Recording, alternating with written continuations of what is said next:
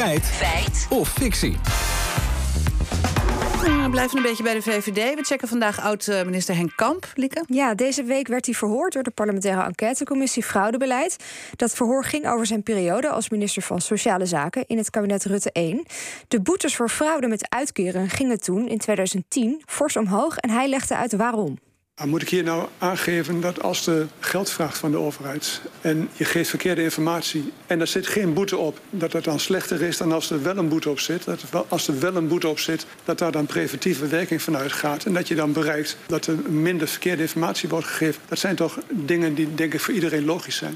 Boetes op uitkeringsfraude die werken preventief en dat is logisch, zegt Kamp. Ja, en of dat zo logisch is, zijn wij gaan uitzoeken. Kamp zegt een boete is beter dan geen boete, maar gemeenten konden ook voor zijn al boetes opleggen aan bijstandsfraudeurs. En ook fraude met de WW werd al bestraft. Je moest alles toen terugbetalen plus 10% van het gefraudeerde bedrag.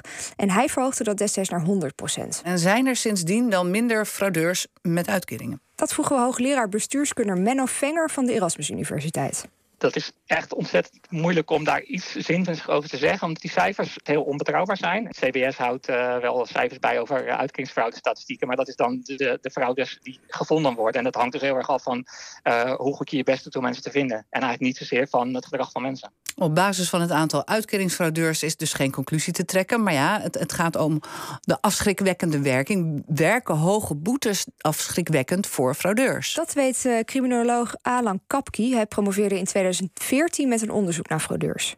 Dat is niet gebleken uit eerdere onderzoeken dat uh, een hogere boete per se leidt tot minder fraude, zeker bij uitkeringsfraude. Dat komt doordat uh, vaak mensen ook niet weten wat uh, de hoogte van boetes is. Ik denk dat men eerder kijkt naar de pakkans. Ja, bovendien weten de meeste uitkeringsfraudeurs niet eens dat ze aan het frauderen zijn, vertelt hoogleraar Venger ongeveer 70% dus niet bewuste opzet. En dan 30% waarvan je zou kunnen zeggen dat is een hele bewuste opzet. Dus dat zijn mensen die van tevoren echt hebben bedacht: ik ga fraude plegen. Maar dat is wel oud onderzoek. Recente cijfers heb ik niet. Dus als je uitgaat van de moedwillige fraudeurs, dan is dat ten hoogste 50%, is wat ik vaak zeg. Ja, zeker de helft van de fraudeurs die doet het dus onbewust. Vaak doordat de regels niet duidelijk zijn of niet begrepen worden. Oké, maar hebben voor die moedwillige fraudeurs dan hogere boetes zin? Nou, volgens criminoloog Kapki zijn hoge boetes slecht in elke gevallen.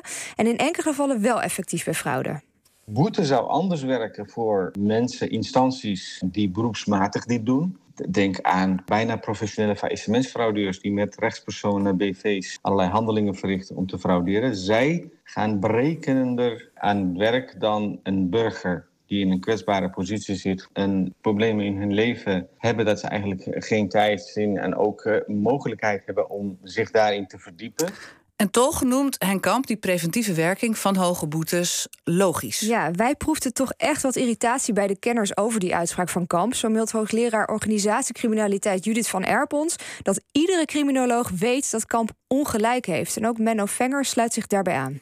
Het is helemaal niet uh, logisch. Dat gaat er dus vanuit dat iemand van tevoren even gaat zitten nadenken en denkt: zal ik deze overtreding wel of niet plegen? Wat is de pakkans? Wat is de boete en wat levert het mij op? En dan een afweging van kosten en baten maakt. En dan denkt: laat ik het maar niet doen, want de boete is omhoog gegaan. Uh, nou, eigenlijk uit alles wat we weten is dat het bij uitkeringsfraude zo niet werkt. En het is echt verbazingwekkend dat Henk na al die tijd nog steeds niet doorheeft dat de wereld anders zit dan hij denkt. Hm. Het is uh, wel duidelijk, Elieke. Ja, uit helemaal niks blijkt dat, het dat hoge boetes tot minder uitkeringsfraude leiden.